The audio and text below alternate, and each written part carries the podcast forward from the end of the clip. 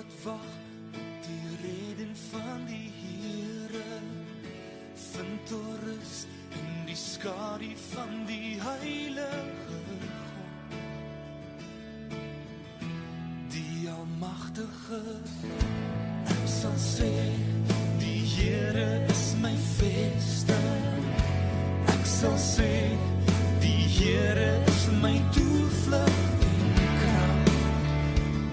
Goeie goeiemôre gemeente. As hallo. Welkom by ons erediens vanoggend en uh ja, dis lekker om weer bymekaar te wees en mag die Here regtig net elkeen van ons versterk en bemoedig ook. Want vanoggend uh, se tema, die woord gaan oor die skrif ehm um, wat ons bemoedig en versterk ook in omstandighede wat baie keer buite ons beheer is. En mag jy dit ook ervaar dat die Here jou ontmoet en jou versterk en bemoedig en standvastig hou. Hierdie naweek was vir ons eintlik het al Dinsdag begin. Was ons 'n regtig nuwe ervaring. Ons het 'n uh, oorwinnaars naweek aangebied in Warmbad oor Teams aanlyn. Maar daar is ook 'n span daar en wat die dinge daar reël, maar ek wil sommer net um, net om die uh, gemeente in te lig. Ek dink is 'n nuwe fase waarna ons gaan. Ek wil net vir Celeste kans gee om net vir julle te sê wat die ervaring was om dit nou so te doen. Ons het ook na die diens het ons ook ons afsluiting ook oor teams. Hulle is wel daar by mekaar, maar ons skakel in van die kant af. Celeste, jy gou kom selfs. Daar sê ehm um, ons het regtig hierdie soos Stefan sê Dinsdag al begin, maar um, daar's geskiedenis gemaak hierdie naweek en uh, uh 'n nuwe seisoen, 'n nuwe deure wat vir ons oopgemaak is en ons is regtig baie baie opgewonde daaroor en uh, ons staan in verwondering oor hoe alles uitgewerk het. Ehm um, ons het nou vir die afgelope 2 jaar al wat uh, wat ons so saam met die warm uh, warmbad span werk en ehm um, Ons regtig 'n baie goeie verhouding tussen ons en uh prys die Here ook vir vir daardie eenheid wat hy uh, sommer van die begin af al ehm uh, bewerkstellig het en uh, so ons het baie lekker saam met hulle gewerk. En uh hulle het 'n skerm opgesit ehm um, voor in die in die in die saal en ehm um, en en so die beeld wat ons gesien het op die skerm is dit wat ek nou sien. Jy weet julle wat wat voor voor ons sit. En uh ehm um, so het ons dan eh, deur die die rekenaar aanlyn ingeskakel en uh uh daar was 'n mikrofoon gewees waarin ehm um, uh, hulle gepraat het en ook die kursusgangers en so kon ons dan gehoor het wat hulle ook uh sê en vra en so was ons in in kommunikasie met mekaar. Ons was die hele naweek aanlyn gewees. So ons het was elke oomblik deel van wat daar gebeur het. En uh ek dink wat wat um, wat ons ervaar het ook en en dit wat ons gesien het is dat mense was baie gemaklik met die tegnologie. Dit was net so 'n natuurlike vloei geweest en en ons was uh ehm um, jy weet deel van die uh ehm um, uh weet deel van van uh die die span ons was net so half 'n um extension uh, van van die van die span geweest. Ehm uh, so wanneer uh, ons net hierdie program hardloop het en dit was ons beurt een van ons beurte om aan te bied, dan het die kursusgangers net na die skerm gekyk en en hulle het interaksie met ons gehad en as dit een beurt was van een van die ander fasiliteerders, dan het die, hulle uh, uh, so voor in die saal gestaan en dan het die kursusgangers dan weer net na hulle gekyk en die interaksie het voortgegaan. Ehm um, ons um, Matt kon van van sy rekenaar af al die al die video speel, die multimedia, die PowerPoint, so dit het net as normaal voortgegaan. Ehm um, ons het ook 'n uh, 'n uh, aanlyn uh, weet so oor die oor die video's uh, saam geworship. Ehm um, of uh, hulle het ook 'n musiekspan wat ook live geworship het en dan was ons ook deel daarvan. Ons kon alles duidelik hoor. Ehm um, en uh, uh, dit is dit was regtig 'n groot leerervaring. Ehm um, en en wonderlik om te sien hoe dit eintlik net natuurlik voortgaan. Uh daar was hier en daar uitdagings gewees, maar ek dink die die die hantering daarvan en da, uh, was uh, gemaklik en ek dink nie eers die kursusgangers het agtergekom as daar 'n 'n jy weet 'n probleem was nie. Ook omdat ons gemaklik is met hulle en hulle met ons, ek praat nou van die span, kon ons maklik aanhaak, kon ons maklik voortgaan as as iets uh, gebeur het. Ehm um, met die tegnologie en uh so dit is uh, dit dit was ook vir ons 'n goeie uh, ervaring leerskool om te sien hoe goed werk die tegnologie. daar was ook geleentheid vir persoonlike bediening en en dan um, as as die uh, uh, Warmbad span laat weet dat daar is iemand wat gebed nodig het, dan ons op die fone en ons bid dan so oor die fone vir die mense en en daar was ook wonderlike terugvoer gewees van van wat in daai persoonlike bediening plaasgevind het. Ehm um, ons het daar is 'n dinge wat ons gemis het soos die samesyn en as hulle nou gebruik het vir tee of ete. Ehm um, jy weet ons het daai kontak het ons nou gemis. Uh maar die voordeel was dan was ons weer in ons huise, ons was saam met ons gesinne en ons kon dan ook weer daai kontak met ons gesinne hê. Ehm um, ek dink daar was wonderlike geleenthede wat hieruit gaan voortvloei dis definitief 'n nuwe manier van doen. Ek dink 'n paar maande terug was dit nie eers 'n gedagte wat ons gehad het nie. En om te dink dat ons dit nou kon regkry, hierdie naweek was in 'n oogwink verby, maar ons het so kon kon doen. Dink net aan wat is die die geleenthede wat nog vir ons voorlê. Dit is dit kan net nog groter nog baie gaan. So ons ons is baie baie dankbaar. Ons prys die Here ook daarvoor en ons sê vir julle ook baie dankie vir julle voorbidding en en vir julle ondersteuning ook. Uh want uh ja, dit is die, ons weet ook uh, die, die weet ehm um, en daai die die die intree in die saambid is so belangrik en ons het regtig 'n gevoel ook daarvan gehad en ook om te weet dat die intercessors is daar in die eenheid wat ons met die intercessors het. So ons sê vir julle ook baie baie dankie. Ja, dankie. Celeste, um, ek kan ook sê, jy weet hulle ons het ook nog hoeveel kursusse wat ons hierdie jaar daar moet aanbied, nog die Heilige Gees en die en die kultuur van seëning. Ehm um, so hulle is baie positief dat ons net aangaan. En eintlik die hele disippelskap plan wat ons hier het, word ook daar gedoen en dis wat my so wonderlik is wat ons hier en daar by Linden doen.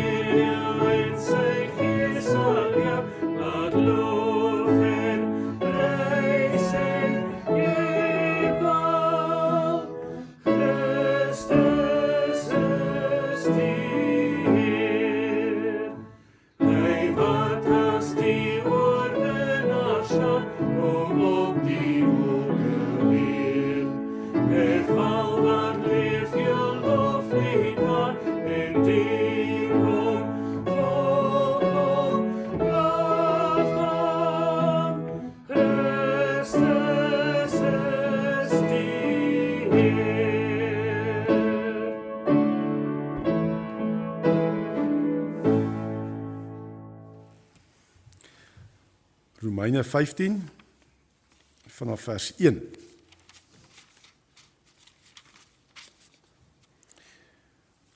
Op ons wat sterk is in die geloof, rus die verpligting om die swakhede te verdra van die wat nie sterk is nie. Ons moenie aan onsself dink nie. Elkeen van ons moet aan ons naaste dink en aan wat vir hom goed is en wat vir hom in die geloof kan opbou. Christus het immers ook nie aan homself gedink nie, inteendeel. Dit was met hom soos daar geskrywe staan. Die beledigings waarmee mense u beledig, het op my neergekom. En dan die fokusvers: Alles wat vooraf in die skrif opgeteken is, is tog opgeteken om ons te leer sodat ons deur die standvastigheid en bemoediging wat die skrif ons gee, vol hoop kan wees. En mag God die bron van alle standvastigheid en bemoediging gee dat julle eensgesind onder mekaar sal wees soos Christus Jesus dit wil hê. Dan kan julle almal eensgesind uit een mond lof toebring aan God die Vader van ons Here Jesus Christus. Aanvaar mekaar dan soos Christus julle ook aanvaar het tot eer van God. Ek bedoel dit Christus het gekom om in belang van die Jode dienaar te word Hy moes vir hulle die waarheid van God bevestig deur die beloftes wat die voorvaders ontvang het waar te maak. Hy het ook gekom sodat die ander nasies God oor sy ontferming sou verheerlik, soos daar geskrywe staan. Daarom sal ek U loof voor die nasies en tot eer van U naam sal ek 'n lofpsalm sing. En elders lei dit verbly julle ander nasies saam met sy volk. En prys die Here alle nasies, loof hom alle volke. En Jesaja sê ook: Isaai sal 'n nakomeling hê en hy sal opstaan om die nasies te regeer. Op hom sal die nasies hulle hoop vestig.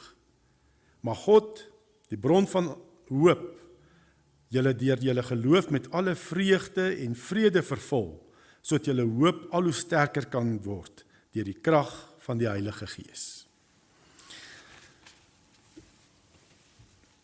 Ja, mens kan vir nogal 'n hele klompie dae kan 'n mens sonder kos lewe, nê? Nee? En jy kan ook uh, sonder water lewe vir 'n paar dae, nou net nie so lank nie. En jy kan selfs ook jou asem ophou vir 'n minuut of so. Maar een ding wat ons nie kan doen nie, ons kan nie lewe sonder hoop nie. Nê? Nee? Mense wat net voel die lewe is nie die moeite werd nie, het hoop verloor en dan neem baie mense hulle lewe. Jy kan nie sonder hoop lewe nie. En uh die Bybel, as ons hierdie gedeelte lees, dan sien ons dat die Bybel verkondig vir ons die bron van hoop. Daar's eintlik net een bron van hoop en dis God. So as ons die Bybel lees, dan moet ons die hoop soek in die Bybel. Nê, nee, ons moet regtig God se stem hoor. As jy na die Bybel lees, soek God se stem, wat hy sê van hoop. Want dit is eintlik die groot boodskap van die woord om vir ons hoop te gee vir ons mense wat in sonde verlorenheid vasgevang was. God bring vir ons hoop deur die Bybel. In ons eh, fokusvers staan dit so: alles wat voorheen in die skrif opgeteken is, is tog opgeteken om ons te leer sodat ons deur die standvastigheid en bemoediging wat die skrif ons gee, vol hoop kan wees. Ek het net hierdie naweek ook net weer besef, nê, nee, mense soek hoop en selfs ook kinders van God. Nee, gelowiges soek hoop. Ehm um, ons het by by die stap gekom van vrees. En as dit iemand wat vra vra wat al 'n lang pad met die Here stap. Hoe vrees? Want vrees nê as jy die nuus kyk, as jy die koerante lees, as jy om jou kyk nê, dan wil vrees ons net absoluut moedeloos maak oor wat gebeur. Die bedreigings wat daar is net dit wat die mense voorspel vir die toekoms nie. Alles lyk so donker en eintlik die wêreld nê kan jou nie hoop gee nie. Ons beleef dit. Dis net God. En hy gee vir ons deur die skrif van standvastigheid en bemoediging wil God ons vol hoop maak. Dis ons hoop. Nou ehm um, as ons hier praat van die skrif dan praat ons natuurlik uh Paulus het gepraat van die Ou Testament, nê? Nee? Ehm um, die skrif, nê, die Ou Testament is opgeteken en uh, ons het nog die Nuwe Testament ook wat nog duideliker hoop gee, nê, maar eintlik die hele skrif is daar om ons hoop te gee. En dit wil sê as ons kyk na die Ou Testament waarvan Paulus hier praat, nê, God se beskrywing hoe hy alles geskape het, nê, die geskiedenis van Adam en Eva, ehm um, van Noag en Abraham en Israel se geskiedenis en dan ook die riglyne wat wat God gee in die Bybel in die Ou Testament vir Israel om as volk te funksioneer. Die Israeliese geskiedenis, die liedere, nê, nee, die die wysheidsboeke wat wat opgeteken is en ook die profetiese boeke, alles is opgeskryf om vir ons hoop te gee. Jy moet God se hoop, se stem van hoop raak sien as jy dit lees. As jy die Ou Testament ook lees. Die uh, Griekse woord hier in vers 4 vir um hoop is elpida. Elpida en dit beteken letterlik om met vertroue uit te sien na dit wat goed en voordelig is. God sê ons kan met vertroue uitsien na die toekoms van as goeie en voordelige dinge wat vir ons voorlê in ons toekoms. In alle omstandighede, dit kan dalk nou baie donker lyk om jou. God sê daar is hoop. Daar's vir jou hoop. Hoekom? Want God, die bron van hoop, is by jou teenwoordig. Dis hoekom. Jesus Christus het gesterf aan die kruis in jou en my plek sodat God die bron van ons hoop in ons kan woon. Wat God by ons is, kan ons uitsien met verwagting na die toekoms. na dit wat goed en voordelig is. En God wil jou reeds gebruik om dit te vestig in mense se lewens. God is by ons. En die hele Ou Testament en Nuwe Testament is vervul in Jesus Christus. Die hele Ou Testament en Nuwe Testament se hoop trek saam in Jesus Christus. Paulus skryf ook daarvan in in sy Kolossense brief. Hy sê Kolossense 1 vers 26 en 27. Dit is die geheimnis wat eeue en geslagte lank verborge was, maar wat nou geopenbaar is aan die mense wat aan hom behoort. God het besluit om aan hulle bekend te maak hoe seënryk en heerlik hierdie geheimnis vir die nasies is. Die inhoud daarvan is Christus is in julle. Hy is julle hoop op heerlikheid. Christus woon in ons. Al is ek ook wat se omstandighede. En hy is my hoop op heerlikheid omdat hy in my is. God is in my. Die bron van hoop. God sê hy sal jou nooit verlaat of in die steek laat nie.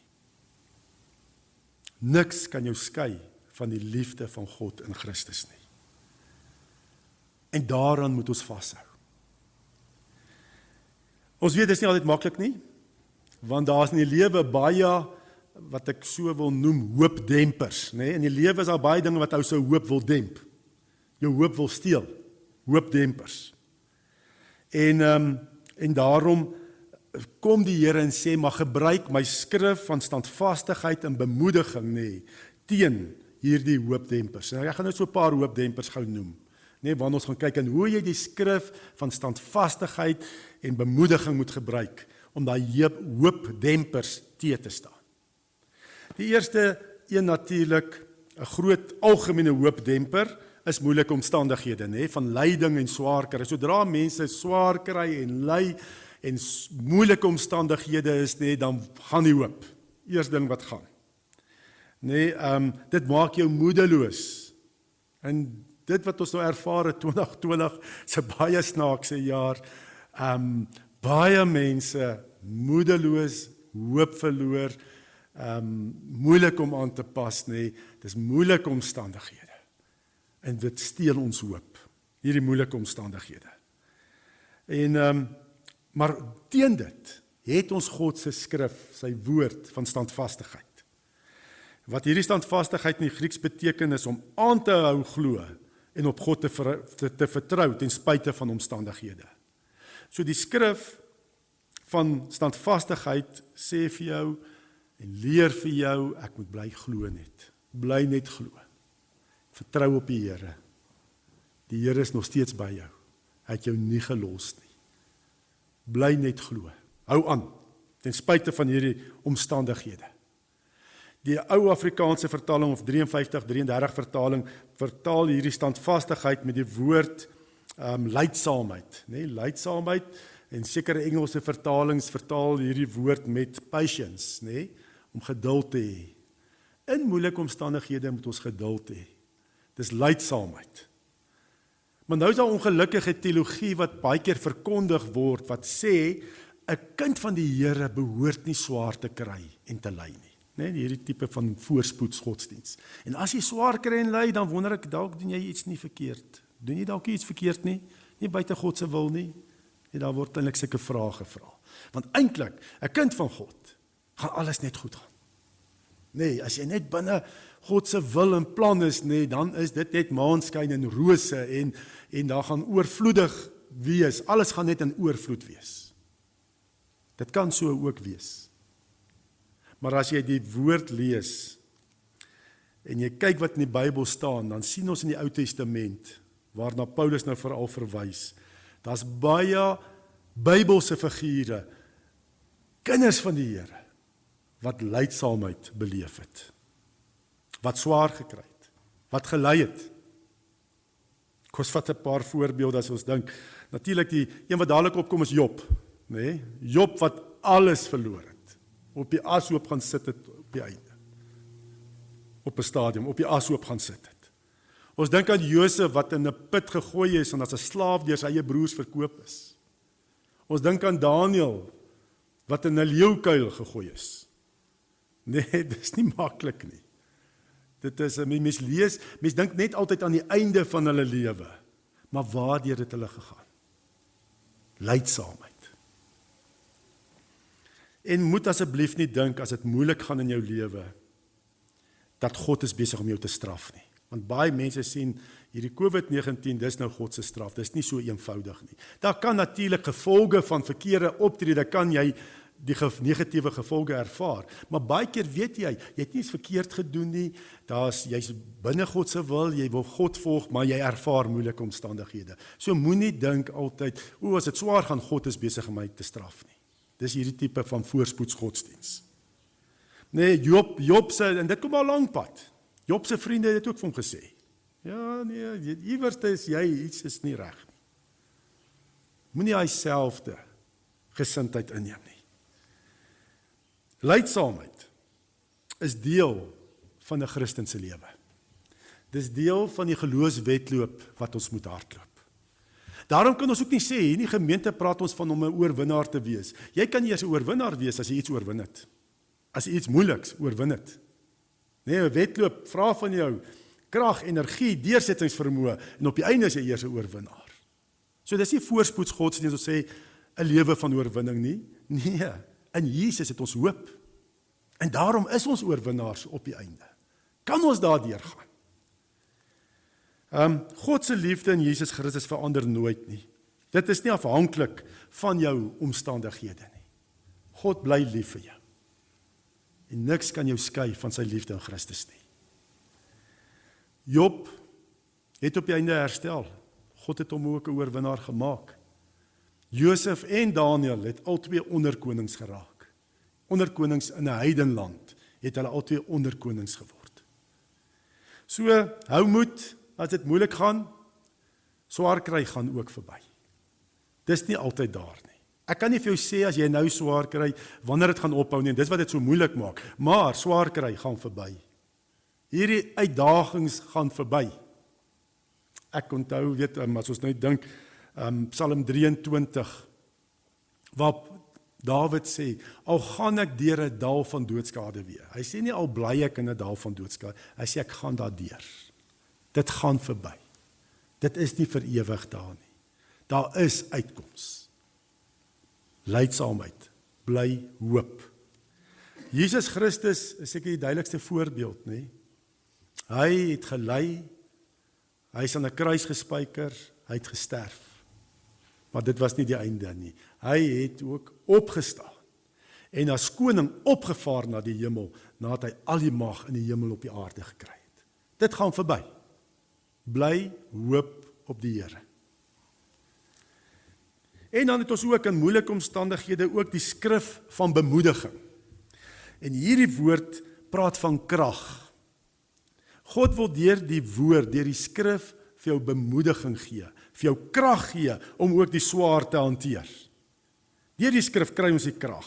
Die Heilige Gees werk deur die skrif om ons die krag te gee om te volhard. Nee, om ons te bemoedig. En uh ongelukkig wat baie keer gebeur sodra mense swaar kry en dinge werk nie uit nie en uh, ek skei dalk van my man of vrou of my kinders nie, wat gebeur? Ek hou sommer op Bybel lees ook. Ek bly sommer weg van die gemeenskap van gelowiges. Dis reeds dan wat jy Bybel moet lees. Die skrif van bemoediging dat jy krag kan kry deur die Gees. Dis reeds dan nê nee, dat ons as die gemeenskap van gelowiges bymekaar moet kom. Reeds in hierdie moeilike tyd van grendeltyd nê nee, en en vlak watse vlak ook al nê, nee, moet ons bymekaar kom dat ons kan hoop kry dat die Here vir jou kan hoop gee deur sy skrif. Ons ons lees dit ook in die Ou Testament, nê? Moses het gesê, Here, ek sien nie kans om met Farao te gaan praat nie. Ek hakel, ek kan nie. God sê toe vir hom, nee, deur sy woord, dit gaan nie oor jou nie, dit gaan oor my. Ek kan mos dat jy praat. En ek sal gee ook dat jy kan praat. Ek stuur vir jou hulp. Dieselfde met Joshua ook. As 'n jong man, hy moet Moses groot skoene wat hy moet vul. Hy moet Moses se rol oorneem om die volk die beloofde land in te neem. Nee, en wat sê die Here vir hom as jy Joshua 1 lees? Bly net by die skrif. Onderhou dit. Vestig jou lewe daaroor en jy sal suksesvol wees. Bly by die woord. by die wet, né, die eerste 5 boeke. Ehm uh, daai tyd het hulle eerste 5 boeke van Moses gehad. Bly net by die woord. As dit swaar gaan, lees die woord. Praat met die Here. Wees deel van die gemeenskap van gelowiges. Um, die woord en die Here gee vir ons wonderlike beloftes in in sy woord, né? Jesaja 43 vers 1 Moenie bang wees nie, ek verlos jou, ek het op jou naam geroep, jy is myne. Psalm 23 waarna ek al verwys het, né? Ehm um, as God ver voel, lees die Bybel. Verdiep jou in die woord. En lees met die doel om God se stem van troos en bemoediging te te hoor. Dit is die doel hoekom ek dit lees. Om God se stem van hoop te kan hoor as ek die Bybel lees. Want dit wat hierdie Romeine 15 sê, dit is waarvoor ons die skrif het. Dat God hoop vir ons kan gee, vol van God se hoop kan word. So dis moeilike omstandighede. Die woord nê nee, is daar. Skrif van standvastigheid, leidsaamheid en dan ook van bemoediging wat vir jou krag gee want die gees dis die swaard van die gees. Nog 'n hoopdemper is natuurlik ongelukkig wat hier tussen ons kan gebeur, hier tussen gelowiges. In die kerk is wetties uit. As die woord hanteer word soos 'n wetboek. Want ehm um, die Bybel is nie hoofsaaklik om 'n klomp reëls en wette te gee om skuldgevoelens op ons te plaas nie. Daarvoor het Jesus reeds gekom om ons vry te maak. Nee, so lief het God die wêreld gehad dat hy sy seun gegee het. So dien en glo vir nie verlore sal gaan nie, ewige lewe sal hê. Nee, Jesus het ons reeds kom vrymaak van 'n klomp reëls en regulasies, wette. Hy kom wys God se genade, sy liefde, kom wys hy vir ons. Dat God is 'n God wat wil vergewe. Hy's 'n heilige God. Nee, hy moet die sonde straf, maar hy wil vergewe en hy gee uitkomste in sy seun om te kan vergewe, om van al jou skuld vry te spreek. Hierdie is nie 'n wetboek nie. Dis 'n boek van lewe en hoop. Want ongelukkig, dis wat die Jode gedoen het. Hulle het die skrif gaan verdraai, nê, en hulle het van dit absoluut net 'n wetboek gemaak.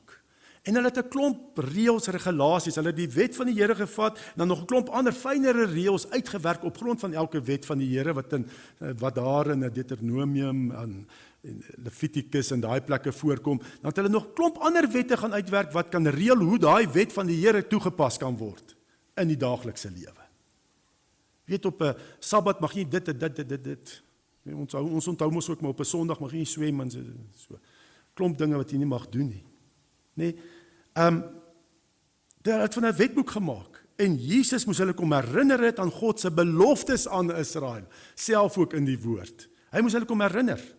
Daar staan in Romeine 15 vers 8. Ek bedoel dit Christus het gekom om in belang van die Jode dienaar te word. Hy moes vir hulle die waarheid van God bevestig deur die beloftes wat die voorvaders ontvang het waar te maak. Jesus het gekom om vir die Jode te wys, dit gaan nie oor hierdie reëls nie, dit gaan oor God se beloftes wat nou waar is vir julle. Wat nou waar is in Christus, in my. Nee, God het 'n klomp beloftes gegee. Eintlik die die die, die Bybel begin in Genesis met God se beloftes. Hy seën Adam en Eva nadat hy hulle geskaap het. Gaan vul die aarde. Ek gee julle goddelike opdrag. Julle is na my beeld geskape. En dan val hulle in sondes, maar die Here los hulle nie. Hy gee die moederbelofte. Hy sê, "Ja, ek stel vyandskap tussen jou saad en haar saad, nê? Die vrou en die Satan, nê? Ehm um, jy sal nie hakskeen byt, maar die vrou se saad sal die duiwel se kop vermorsel." Wat Jesus kom doen het. Begin dit met beloftes. Dis waaroor dit gaan. Beloftes wat die Here vir ons gee. En dan dink mens aan Abraham nadat die mense weer so sleg geraak het nê. Ehm um, lees mens daar aan die begin van Genesis uh, van Genesis en die Here moes met Noag net 'n nuwe begin maak en dan begin hy weer beloftes gee aan Abraham. Ag met Noag ook natuurlik, reënboog nê. Die die belofte, hy sal nie weer die aarde vernietig met water nie. En dan Abraham en sê ek seën jou sodat jy seëning kan wees vir die nasies. Dis beloftes wat die Here gee. Dis waaroor dit gaan. Beloftes.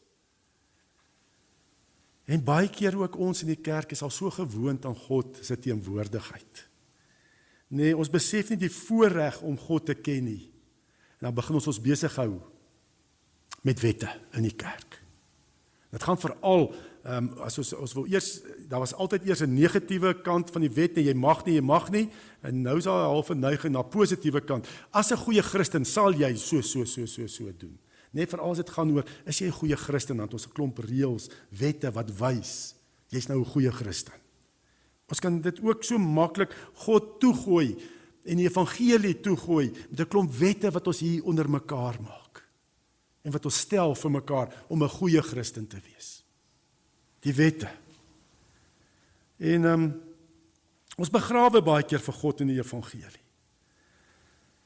En pas op. Nee, om nie vandag ook ons kinders en ander mense te dreig met God. Dreig, hy wil straf. Dis waaroor God gaan. God word eintlik gesien as hierdie God wat net wil straf. Jong, as jy dit doen, weet um, ek weet een van ons fasiliteerders vertel altyd um, as hy praat ook daaroor hoe haar verhouding met die Here was, sê sy ja, ek dink hy sê haar ouma het van gesê op 'n Sondag doen jy nie naaldwerkie want dan steek jy die naald in die oog van die Here, so iets. Um en pas op, God sien jou met sy oog, hy sien alles, sê sy altyd. God sien jou wat jy doen streig die mense met God. O, tenobin. Nee, dan tenobin en ons wil so evangelisasie doen. Maar as ons hierdie gedeelte lees en ons nee, dis nie hoe die Here doen nie. Dis nie wie God is nie. God is reeds die een wat wil red. Ons brand van self van wie ons sondes. Dis nie die Here wat jou daar geplaas het. Jy is skuldig uit jouself. Die sonde loop uit op die dood. Dis outomaties die gevolg. Dis nie God wat so graag 'n begeerte het om jou te straf nie. Dis jouself. Dis die gevolge om sonder want wat is sonde? Dit is 'n lewe sonder God. En 'n lewe sonder God is hopeloos, dit loop uit op die dood. Dit is die effek van die sondes. God is hierdie een wat kom red. Jou kom uithaal uit daai burn. Dis God wat jou kom draai. Dis sy gees wat in jou hart werk, jou hart sag maak dat jy God se liefde in Christus kan sien en ervaar. God is die een wat wil red, wat vir ons beloftes gee.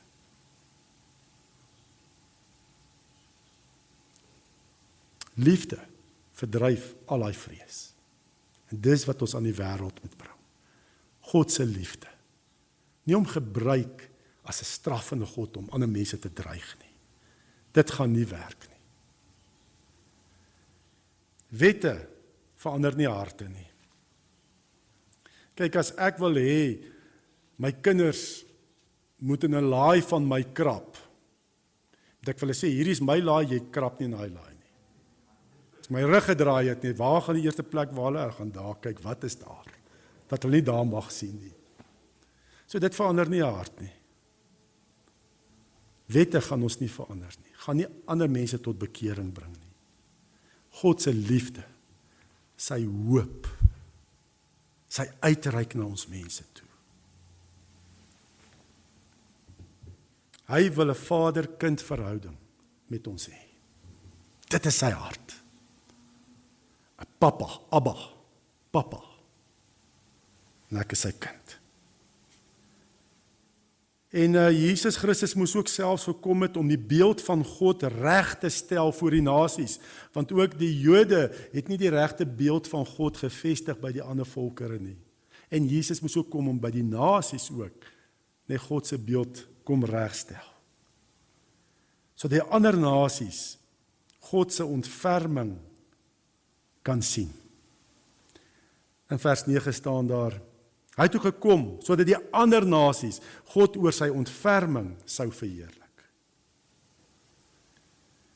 En ehm um, en dan haal uh, Paulus weer nog 4 skrifgedeeltes aan na hierdie vers 9 uit die Ou Testament om te wys God het nie net 'n hart vir Israel nie, maar vir alle mense, vir al die nasies en Jesus moes kom wys, maar ek het alles kom volbring al daai seremoniele wette van die Jode het ek volbring.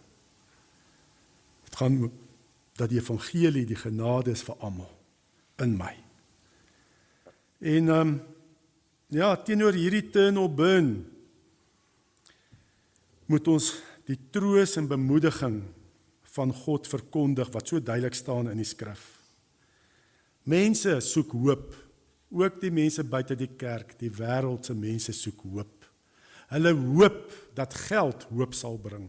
Hulle hoop dat geleerdheid hoop sal bring. Noem maar op wat ook al. Ons weet daai goed mot en roes verniel, dit kan net so weggevat word. Groot maatskappye wat die afgelope tyd absoluut seer gekry het en gevou het. Die goed bring nie hoop nie. Dis net by die Here bron van ons hoop. En dan as ons kyk na 'n derde een, 'n derde hoopdemper wat ook in die kerk kan plaasvind. En dit is daai stryd en verdeeldheid onder Christene. Ongelukkig ook, dit vat die hoop weg in 'n gemeente. As daar stryd en verdeeldheid is, is dit verby. Is daar ook nie hoop nie. Nee, dit is en dit is moeilik. Dit is moeilik om almal te aanvaar, nê? Nee? Ons verskil, ons het verskillende persoonlikhede, verskillende ehm um, ja, wat ek van hou en waarvan jy hou en musiek smaak en al die tipe dinge en daai prediker en die prediker en seker goed. Dit is baie keer baie moeilik om mekaar te aanvaar want ons verskil, ons persoonlikhede verskil. En hier in Rome in in die gemeente in Rome lees ons al vanaf vers vanaf hoofstuk 14 dat daar ook 'n groot stryd was in hierdie gemeente in Rome. Daar was sterkes in die geloof waarvan Paulus praat en dan ook die swakkes in die geloof. Nou die swakkes in die geloof is heel waarskynlik die gelowiges uit die Jodendom. Want die Jode wat nou gekom het, deel geword het van die kerk, hulle wou nie die wette van Moses heeltemal los nie. Hulle het nie verstaan dat dat Jesus 'n einde gebring het aan die seremonieele wette nie. Nee, hulle het gesê nee, wag so 'n bietjie. Jy moet daarom nog sekere goeders eetgewoontes Moenie alles net by die deur uitgooi nie, ehm um, by die venster uitgooi nie. Sekere eetgewoontes moet ons nog nakom nee, 'n sekere die Sabbat, baie belangrik, nog die Sabbat te hou. Sekere feesdae moet nog steeds onderhou word. En dan het jy die sterkes in die geloof gekry, dit is die bekeerlinge uit die uit die heidene nasies uit nê, en hulle het besef, man dit gaan oor die geloof in Jesus. Hierdie ander goed is nie so belangrik nie. Jesus het dit kom kom volbring, dit het tot 'n einde gekom. Dit gaan om Jesus te volg in hom te glo. Sekere spesiale feesdae, nee wat of sekere kos, hy het alles kom reinig. Ek moet met 'n danksegging moet ek net alles geniet wat die Here vir my gee. En hierdie ouens het mekaar bietjie aangevat. Ehm um, dit gevoel, nee, hoor jy ons kan nie saam wees in 'n gemeente nie. Want jy wil nie doen wat ek sê ons moet doen nie. En nou kom Paulus en hy sê in vers 7, hy sê aanvaar mekaar dan soos Christus julle ook aanvaar het tot eer van God. Dit gaan hier oor middelmatige sake. Dit gaan nie hier dat dat Paulus sê wie wat God is 'n God van liefde hy aanvaar net almal en alles is alright jy kan enigiets doen hy aanvaar jou net nie. Nee dit gaan hierso oor soos Christus net dit gaan oor Christus. Oor middelmatige sake as dit gaan oor eet of nie eet die feesdag of nie feesdag nie. Dis 'n middelmatige saak dit raak nie my verlossing deur Christus nie oor daai middelmatige goed wat nie my verlossing raak nie. Nie die die dat Jesus alleen is die weg, die waarheid en die lewe. As dit nie dit raak nie, nê, aanvaar mekaar. Nie mekaar veroordeel daaroor nie. Dan kan ons mekaar aanvaar tot eer van God oor middelmatige sake. Moenie van middelmatige sake wat nie my verlossing raak 'n strydpunt maak nie. Geen ruimte vir mekaar daaroor. Oor sekere dinge in die kerk is die Bybel nie direk duidelik uitgesproke nie. Dis oukei. Okay. Maar om verlos te word is natuurlik baie duidelik in die Bybel. As ons vashou aan Jesus alleen, dit is die begin vertrekpunt. Oor die monomatige sake moet ons mekaar aanvaar en hierdie aanvaar is nie om mekaar net te duld nie. Dis om mekaar te aanvaar soos Christus julle ook aanvaar het tot eer van God, om werklik gemeenskap met mekaar te hê. En ons almal net saamgestem het. Nee. Sjoe, dit sou eintlik maar wat kan gebeur, nê? Nee? As almal presies dieselfde lyk, selfde doen, ek dink alles sal sal doodgaan eintlik hierso. Dis eintlik so goed om as 'n liggaam te funksioneer. Elkeen bring verskillende, verskillende gawes. Ons sit dit bymekaar tot 'n eer van die Here wat my gawes aanbied. So kom ons aanvaar mekaar en veroordeel mekaar nie. Want Jesus Christus is ons hoop vir eenheid. Ook oor verdeeldheid.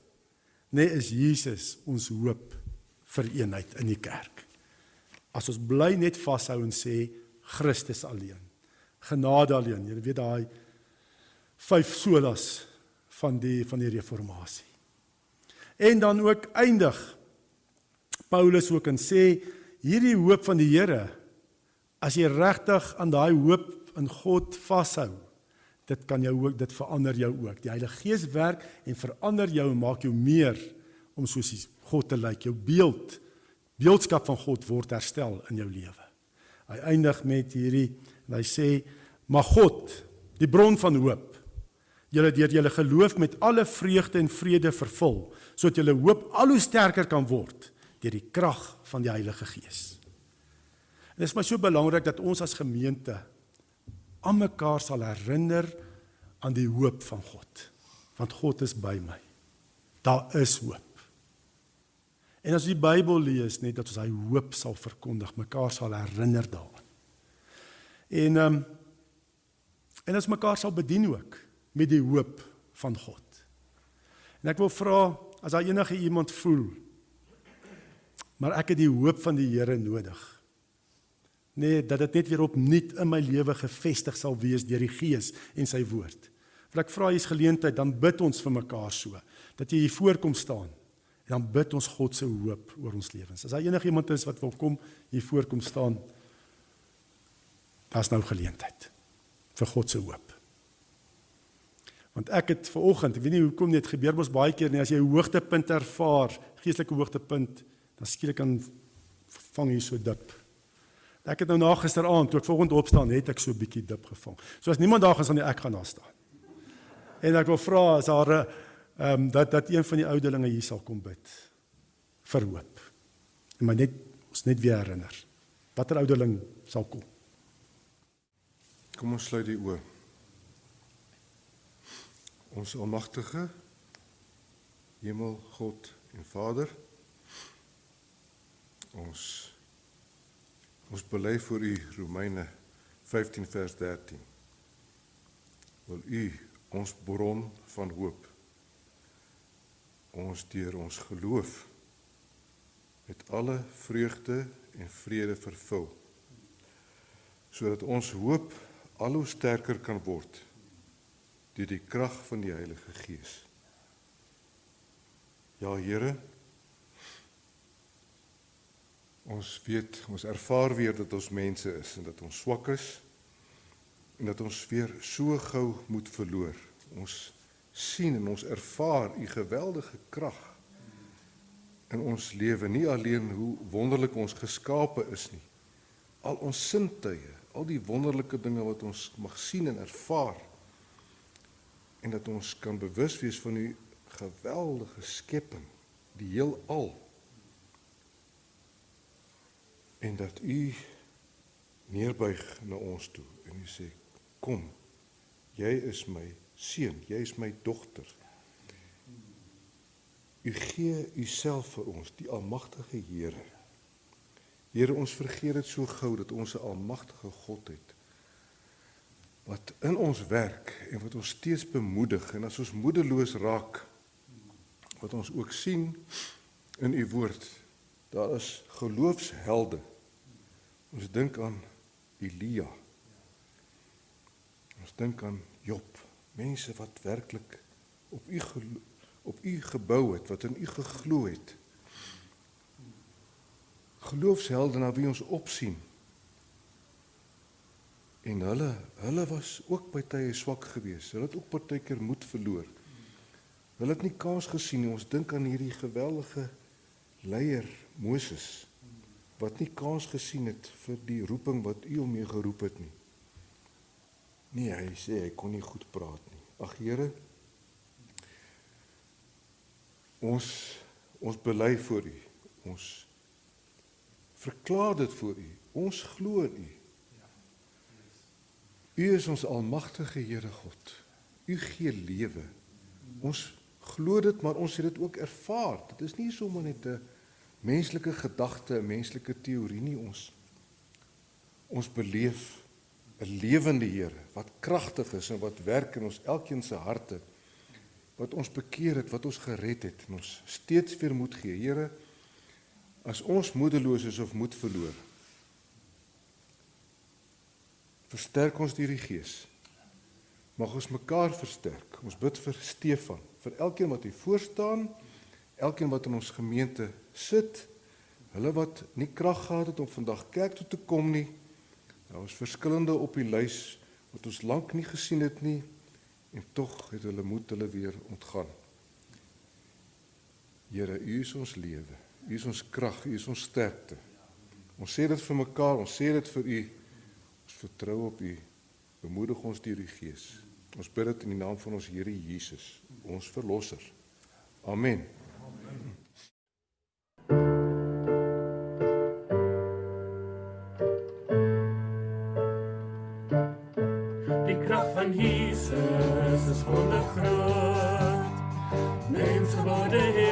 gesterf vir ons die seun van God verlosser Heer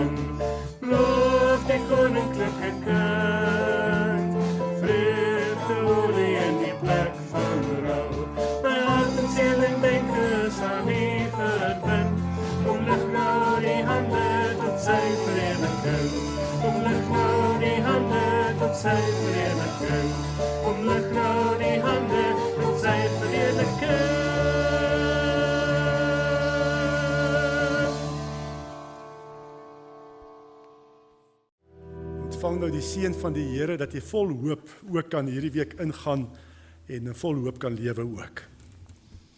Mag God, die bron van hoop, julle deur julle geloof met alle vreugde en vrede vervul, sodat julle hoop al hoe sterker kan word deur die krag van die Heilige Gees. Amen. Sal sê